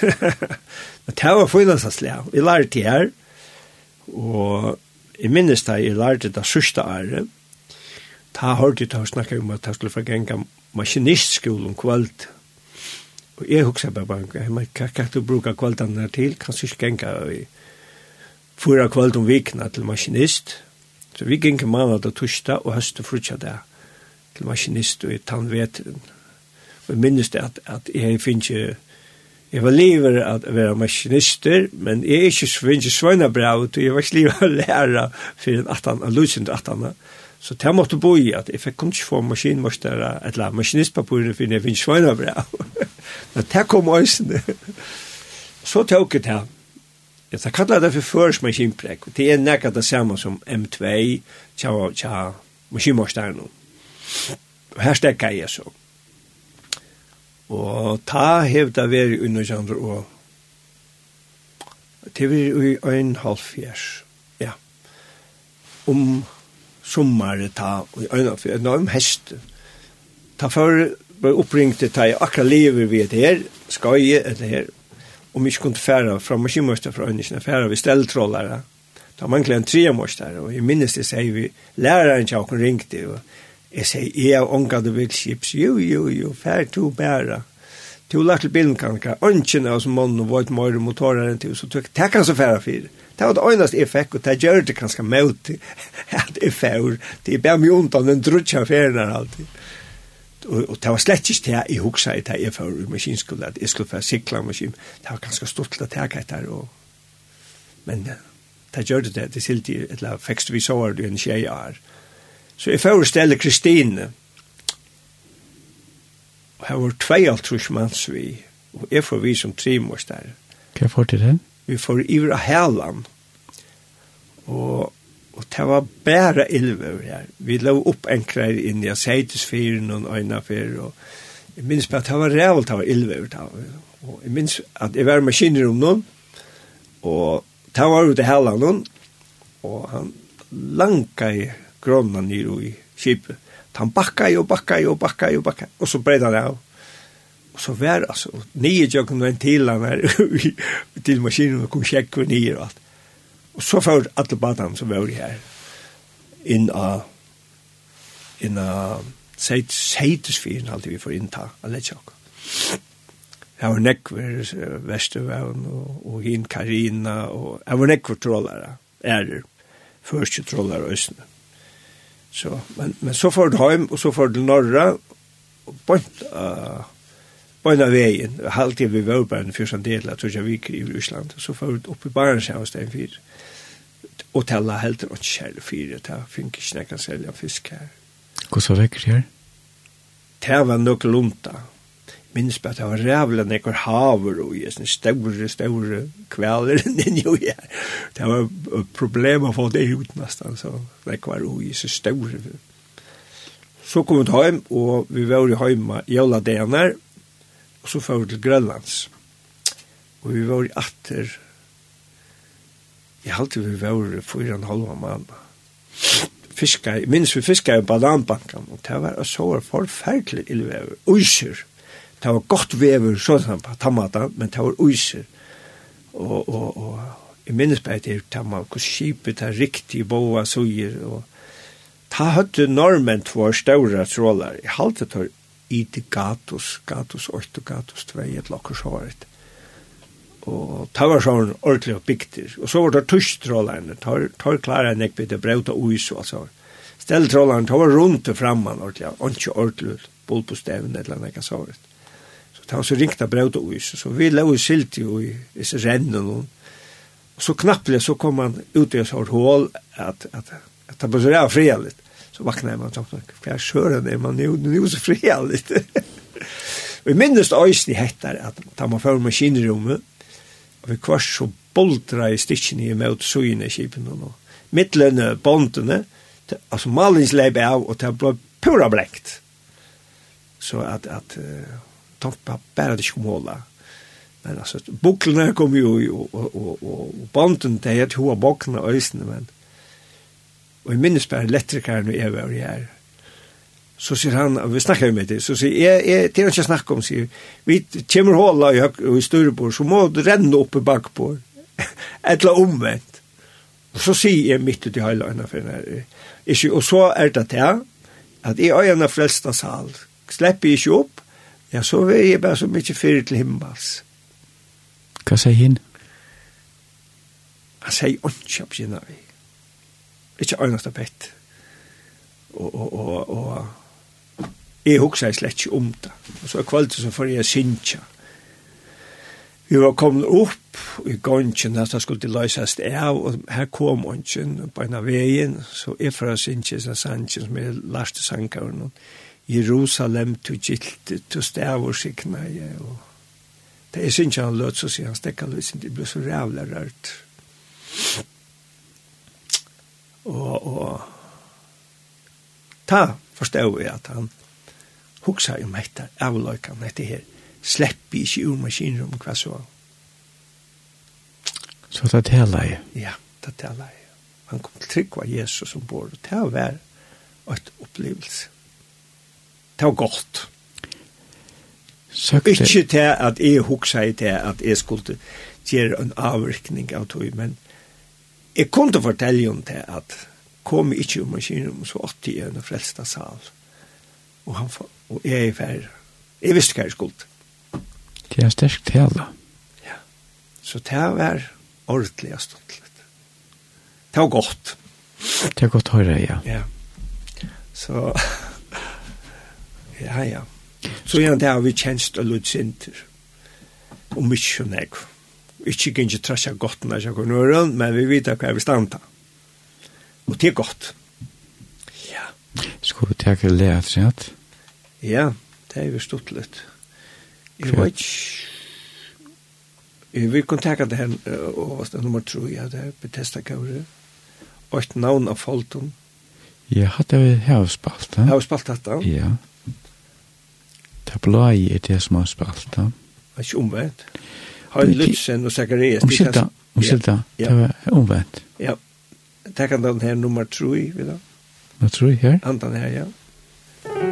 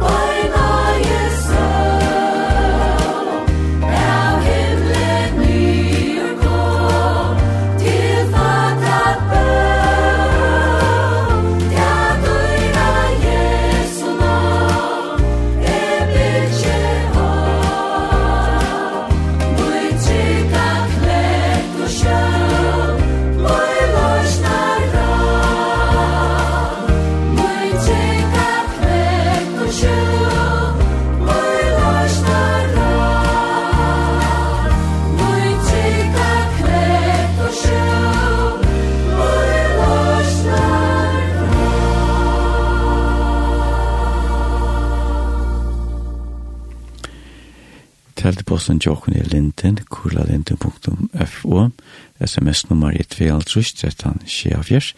Hjertet er velkommen å sende deg bønner evner inn. Gjest okkar er Kjartan Simonsen, han og kona bygg i Klagsvøy. Kjartan, hva er fort så vi er løven noen? Ja, ta jo i hei ver vi trollaren her, stell trollaren og jeg helt ikke at det var akkurat jeg, så så får jeg ombord av Norhev, trålaren, skittfiskatrålaren, jeg får hjelpe dem at reparere, hjelpe hånden som var maskinmøster, at reparere, at iverhala motorene sin til. Og så var det såleis at, at tala ikke 24 hånda fra sted på en av veien, det var desfatter i familiene, så er for vi. Vi kjørte fyra turer nir i Norskjekven. Og i tvær måneder det var funnast. Fyrsan det er kvanturen, og vi fikk jo på i baten, så det var funnast slag. Og ta jeg, ta jeg var lever her, og han får en bårater, så oppdager jeg til at han så platt jeg løse av ombord av Norrborg, var faktisk given. Så jeg tok og søkte til arbeidet. Vi fikk bøyna vi beskjed om at ja, tar skulle du bruke en mann, og jeg var sikkert velkommen. Og det gikk ikke en vika så ringte jeg langt at kjære dem klare han først det. Jeg minnes vi får ni i Norsjakven, og det ble himmelsøkne. Jeg var ikke over åtta det, eller tog ikke det, åtta det, jeg kastet omkant.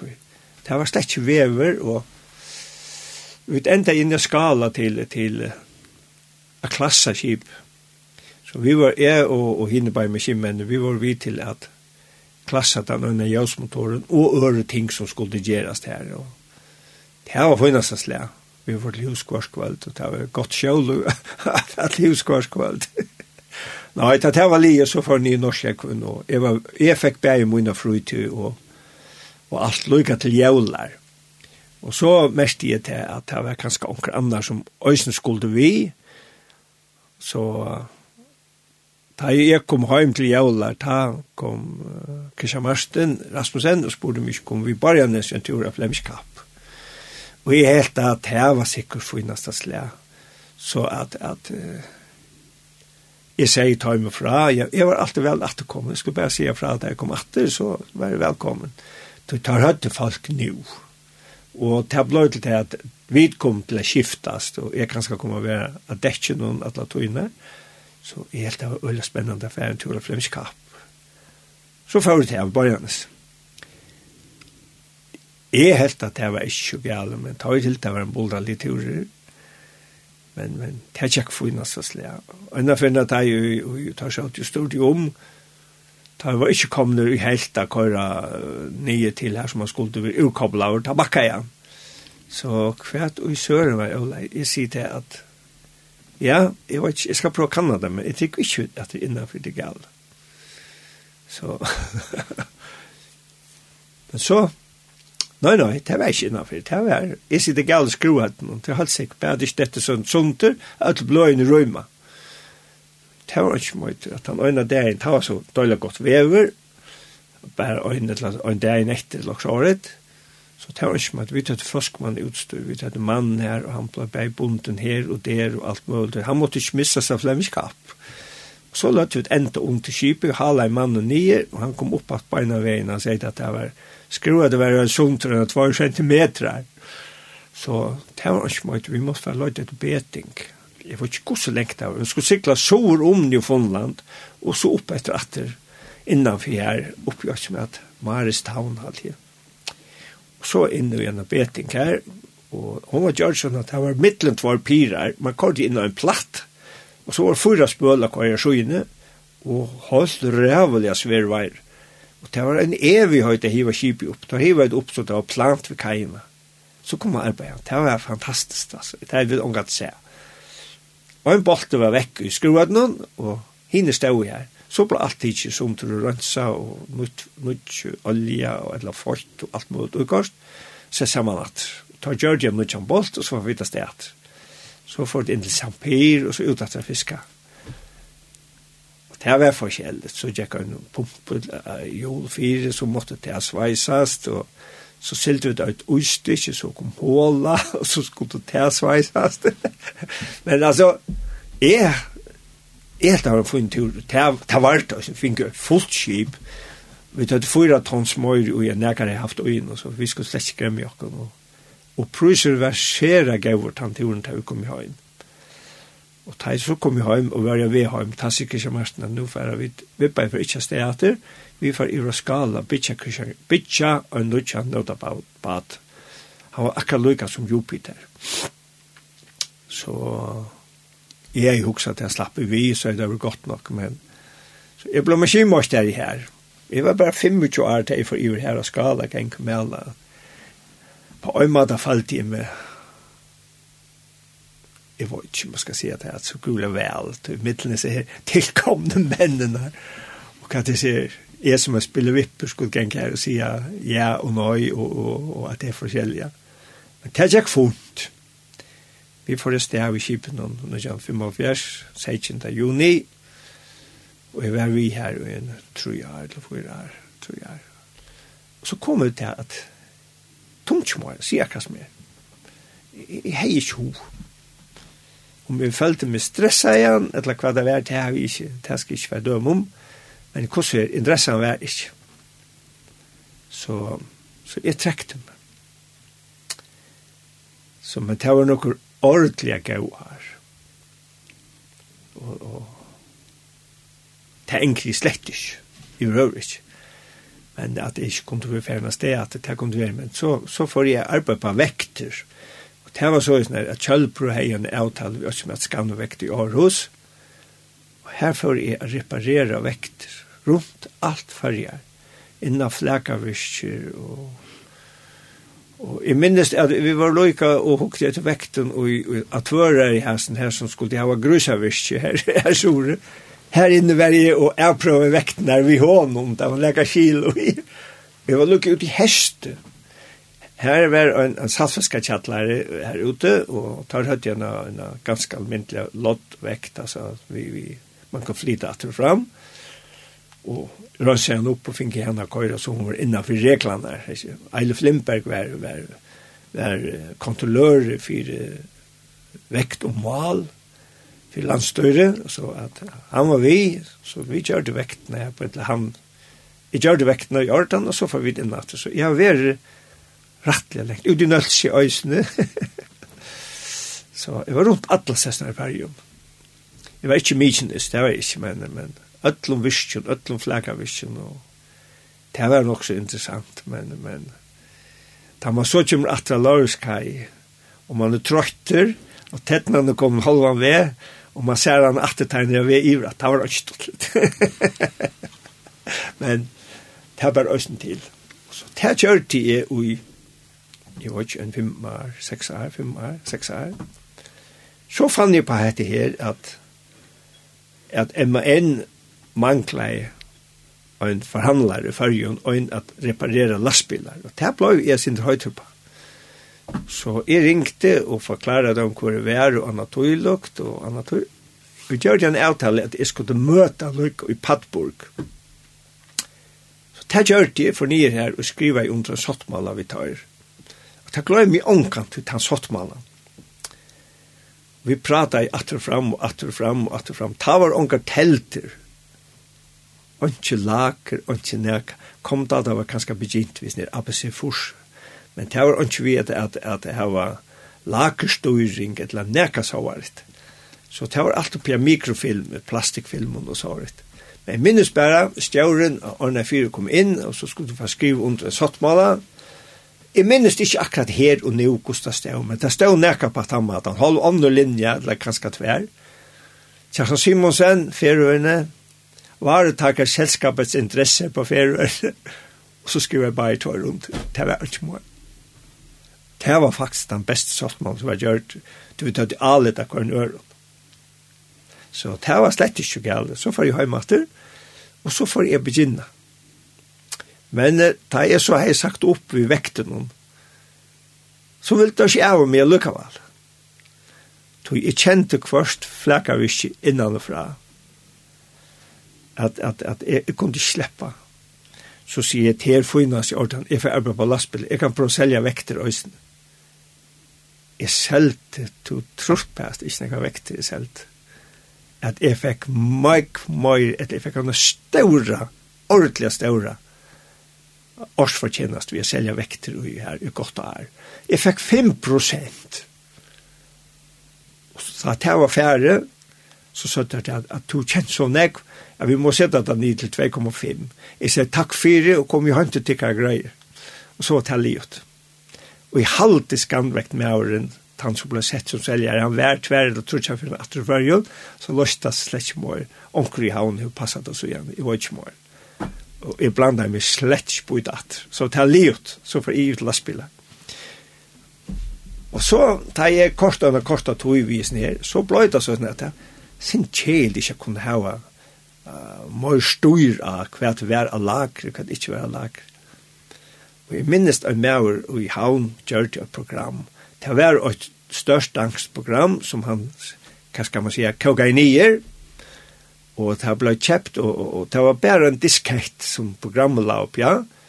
Og så da jeg startet opp, så ventet jeg diskettene og sette han og etter, og så kunne jeg bruke ta, kunne jeg bruke affitlo på lager og alt som var. Jeg kjøpte en computer og alt. Jeg minns ikke hva det kostet. Jeg gått 20 kroner. Jeg sier ikke 20 kroner alt det var. Og skulle jeg kjøpe en apelsinfors, så kostet han kanskje en 3,5 Og så kunne han ikke lagstura, ta, ikke? Men det kom bare veien, hvor er det, så kort det alt det. Men jeg kjøpte hette her, og terka jeg, ordentlig godt, jeg brukte fløyre år. Og ta skulle man, ta for jeg løyte etter døylen og hva der ite, og, og så kunne jeg suttje alle lagene til meg. han tar øyde, og han tar øyde ikke, og alt det der. Det var ordentlig, ordentlig, ordentlig, lengt framkommet. Og jeg arbeidde bare ut fra kjattlaren til meg selv, etla røste jeg ut til virkene og reparere jeg. Og det er ikke funnet. Onker har sagt til meg, altså, kjæren, at du tomte jeg litt her i tunnen og reparere. Men uh, man skal ikke vanvira til som vi begynner ved Lutlund. Det er helt sikkert. Og det er bare vel til. Og tar så Bjørn ble sin større sonren, så får han til eh, til eh, danmarskare lærere kommer han og visst. Og han er han som druvde det. Men det var ordentlig stortlet. Det var knås, men man færre ikke fjønt. Var ikke stor måned at det var lagstoring og ikke lagstoring? Jo, jo, jo, jo, jo. Vi fikk fakturere ordentlig, og man leie tingene inn, og, og steinfyr hit var at man rera skriva alt vi hånd, og og, og sida ved en mikrofilm. Så fikk jeg program fra Taimon, så at jeg kunne sutja bilene elektronisk inn i skjermen. Så jeg begynte ved mikrofilmen, og sitte og flytta der atter og fram og løyta. Det var et realt arbeid. Men, det kan skal være lukka godt til, til fornekv i det, særlig at det kommer i elektronikken han han han han han er nekk for illa gjort, illa for luti gjort. Det det det er så aurant vi to at hvis det er et ting som henger på en øre, så sier han det er lei. Men det er ikke det, han får signal for en øre, ikke? Da skulle han sagt, jeg får signal. Det gjør han ikke. Så du kan bare nødvendig for utelåka. Hver køyre her som kan kjemme han til, og kan gjøre han, og så virker han, ikke? Og det er ikke bare. Så lars er verden oppgjørt ut det, og det er Messimo. Messimo. Men hatt av vekten å være øyla stortlet. av fyrir så kom, sa en, en av danskaren som var i fargen, at vi tøtt gjennom sånn vekt som tåg så sånn ek kilo, og så har han funnet på at han måtte gjøre en sorteringsvekt. Så sånn at man kunne, man kunne seta en differansa i middelen, nummer 8, nummer 2, og 3, og 4, og opp til 5, ikke? Så sorterer jeg det, til de svartkalva der han var pikkelvitt. Så sier han, nu har jeg gjort så program, og så kallte han det inn i en vekt, og visste jo okkur hvor snilt det var. Så sier jeg, vi, hvordan rikker dette så? Nå, du teker bare en kalva, og legger han av her, så sier han 8, etla sier han 5, etla sier han 3. Så kastar de i en kassa, så setter du 5 kasser framover, og så rikker han sånn. Jeg sier hatt at du slett. Så så kvøy du nek for lunsje. For lunch, hva skal jeg gjøre? Jeg kvar atla kassan på litt opp, så sier han høyt. Det har slett ikke også. Ok. Det må jeg gjøre det alt Danmark. det har fått ikke nye at det lagt ut fløyre i æret det. Hvordan vi er vi ser her? Kvarteringsvekten. ja, jeg sparte tver littingar. Ikke? Ja, ja, ja. ja. Tørst bare på, så talte jo nye stein fire. Altså, og det er det som er sutje vi elektronikken i det at vi arbeider på biler. Jeg er bensje for at elektronikkfalsje og i mån til mekanikerfalsje har nekvalut samband. Ja, det tos ikke, det tos ikke litt sammen. Tos ikke mal sammen mal. Nei, nei, det tos ikke sammen mal. Altså, og et annet øl er stått til fingeren for en bil inn, og han sier at det gale vi kirskiften, og til gale vi øynun ABS-følare og i høyre jul. Nå, så spekulerer vi lysent. Så tykker Bjørn Rinske til havnar til det var en, en bil som vi ikke hadde, og ber om en sånn ABS-følare. Ja. Så sier han, men til løy han sier til at kirkassen virker ikke. Og hans med han sier, boja, boja, og lysent til bussen. Så sier han, jo, jeg vet, vet du hva? Han teler omdreiningarna ABS-en om. Så sier han, nu skal skifta gir. ja. Hvor sier girkassen ikke til jeg fei ikke signal? Til tog mekanikeren og elektroden, elektronikkmæren ikke til å sammen. Ja? Ja, jeg vet. Ja, altså, så er det som virker da. Ja. Ja. Så tok vi ut og skiftet igjen, og det var så ikke, da vi så tok vi målt igjen den her høyre med, nei, det var det skøft, det var venstre med, han, bilen sier skøyft øysen. Så måtte vi løy, så var det visste meg, og han er jo jævla. Så det er ikke mer, ikke? Du krever å bruke høtt, hvis det skal være viesen her. Og da vi det sett ABS-følgeren ut for bilen køyre. Får jeg se det? Gir øysen. Så, og nu er det blivit nekverre, så er det her, alt det her, vi klima og, og CO2 og alt det her oha, oha. Men det nyttar ikke å si bare at det det er så snart. Så snart virkar alt ut det. Men det meste av beste av ødelen til det er at og gjennom frelsta sal så kan allt hit färra bara tsk. Det er så kärtan. Det är alltid läg. ja. Kärtan skulle teka läg, så att? Ja. Jeg har jo ho att teka eh, han hantan her som Øyder Oddbjørg, og det her, ja. Og syngast urepent. Ja, menneskjans fjakkar, hvordan det fjakkar og fjakkar rundt, og, og jeg sånn her, det er for jeg kjenner Jesus, så pjøst du ikke fjakkar og fjakkar. Hatt en god sanger. Musikk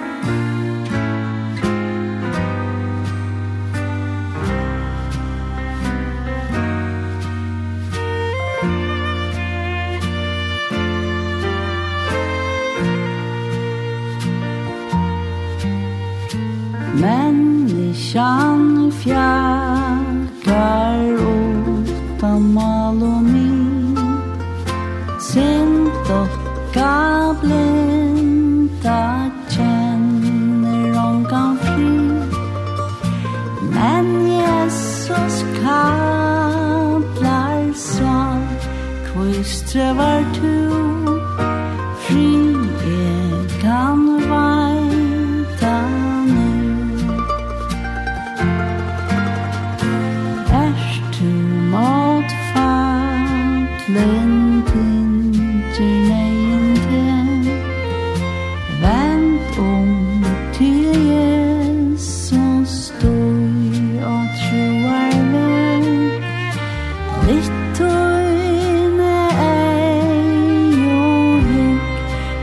förstå Guds land sin tøyna reinsar han.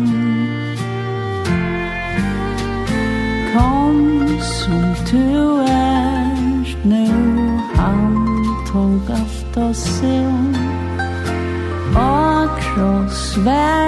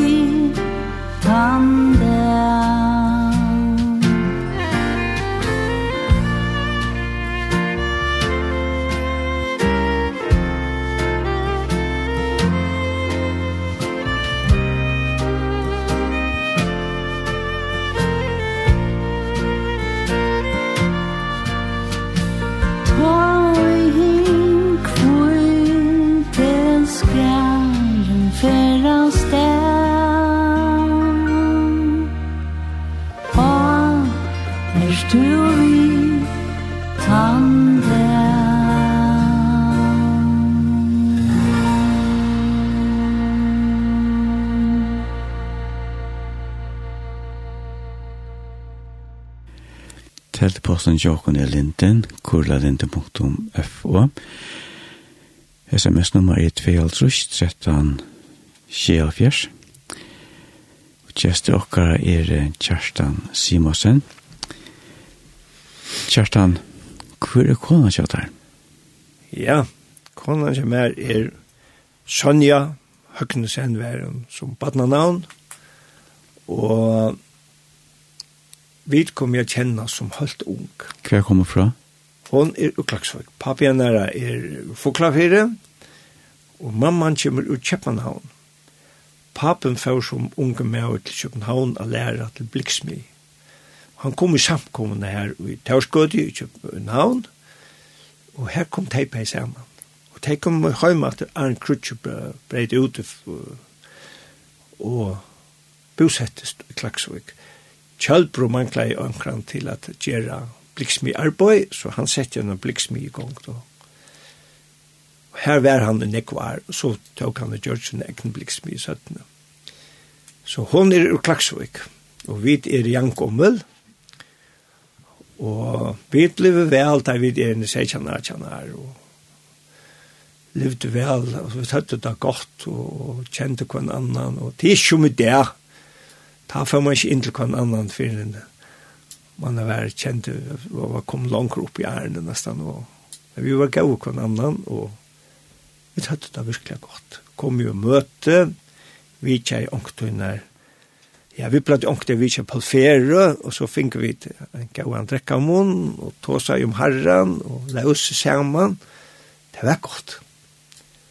Og vi ble gift. Det ta er vid, ja, ta var i 2000 og nei, tvattlu med, og, og, og hva er det var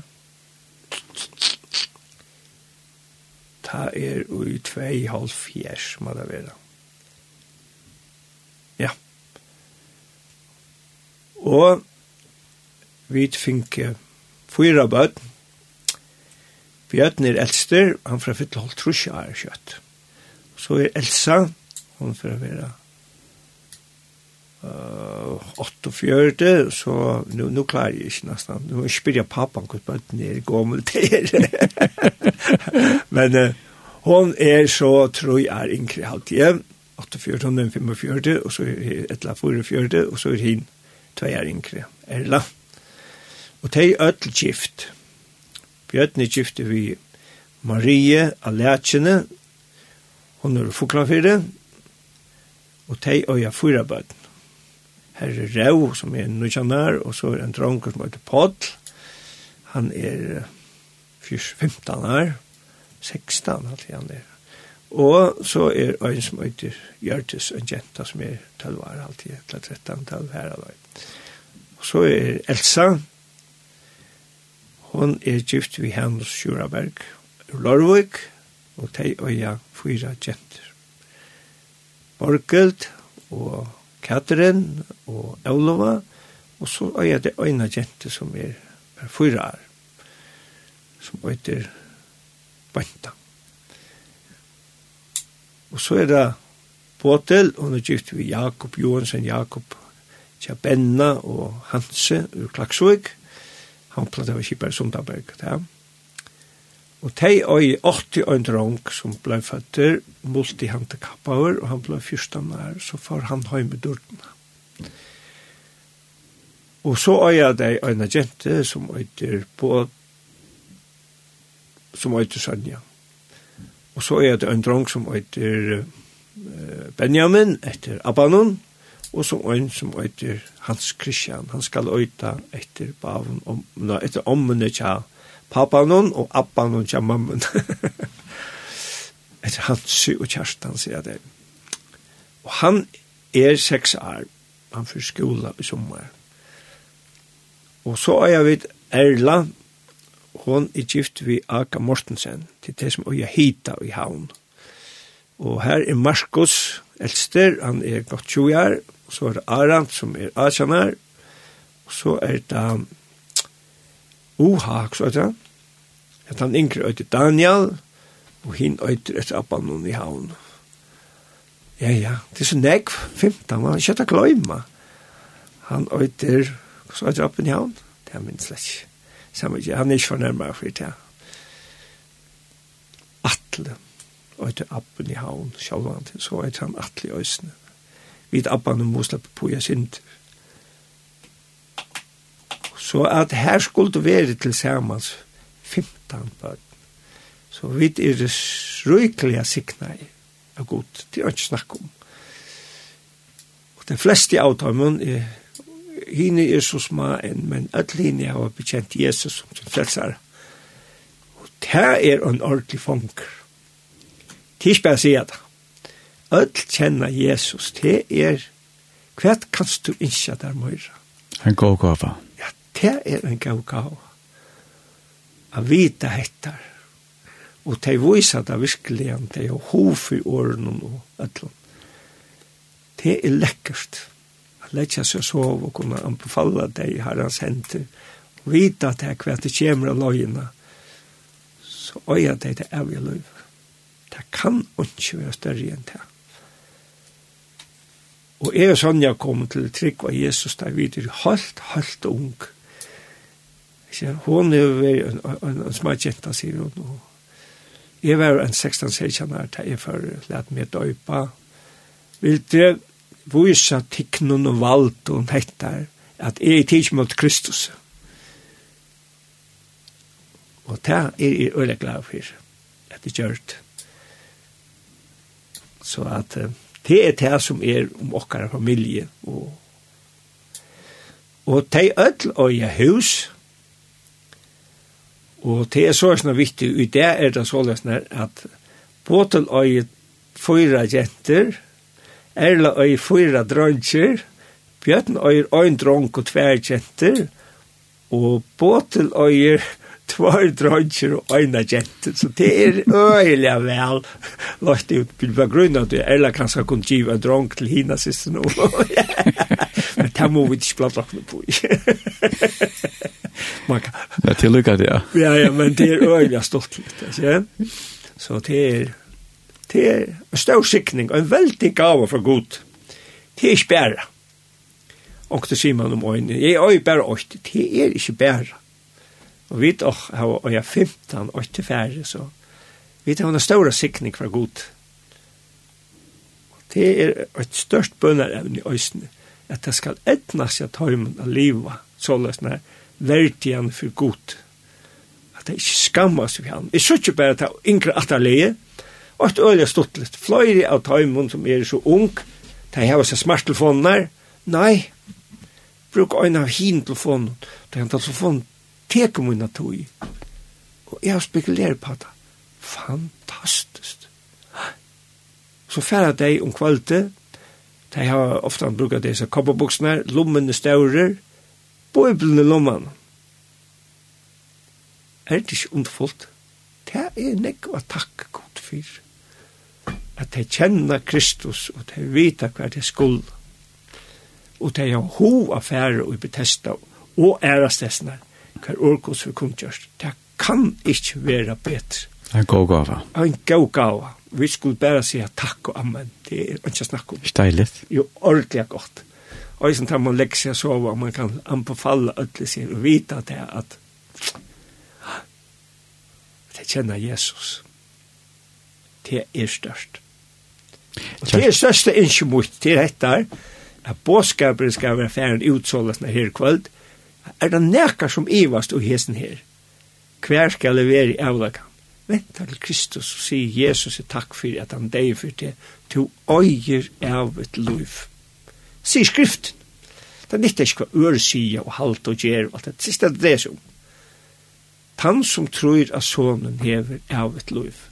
Man har herre sikne seg løtene kvalt og okkon öll farja folk og vera vi land til okkara. Og jeg vet et hoksom hettar hver skulle vi vera. Jeg tar ikke fyrir kvalt. Kjerstan, tusen takk for at du komst vi og sender. Jeg er så glad for at du komst. Det er en ordentlig gava vi tar funnet, funnet vi og sender. Ok, jeg er yngst øynsanga træt. Og det skal være at han som stender på her nummer 9, fra kvartetten i Bethesda, fer han at minnast med. Det fer han. Vi har et sannsyn. Enn enn fer, Kjerstan. Takk for det. Selv takk.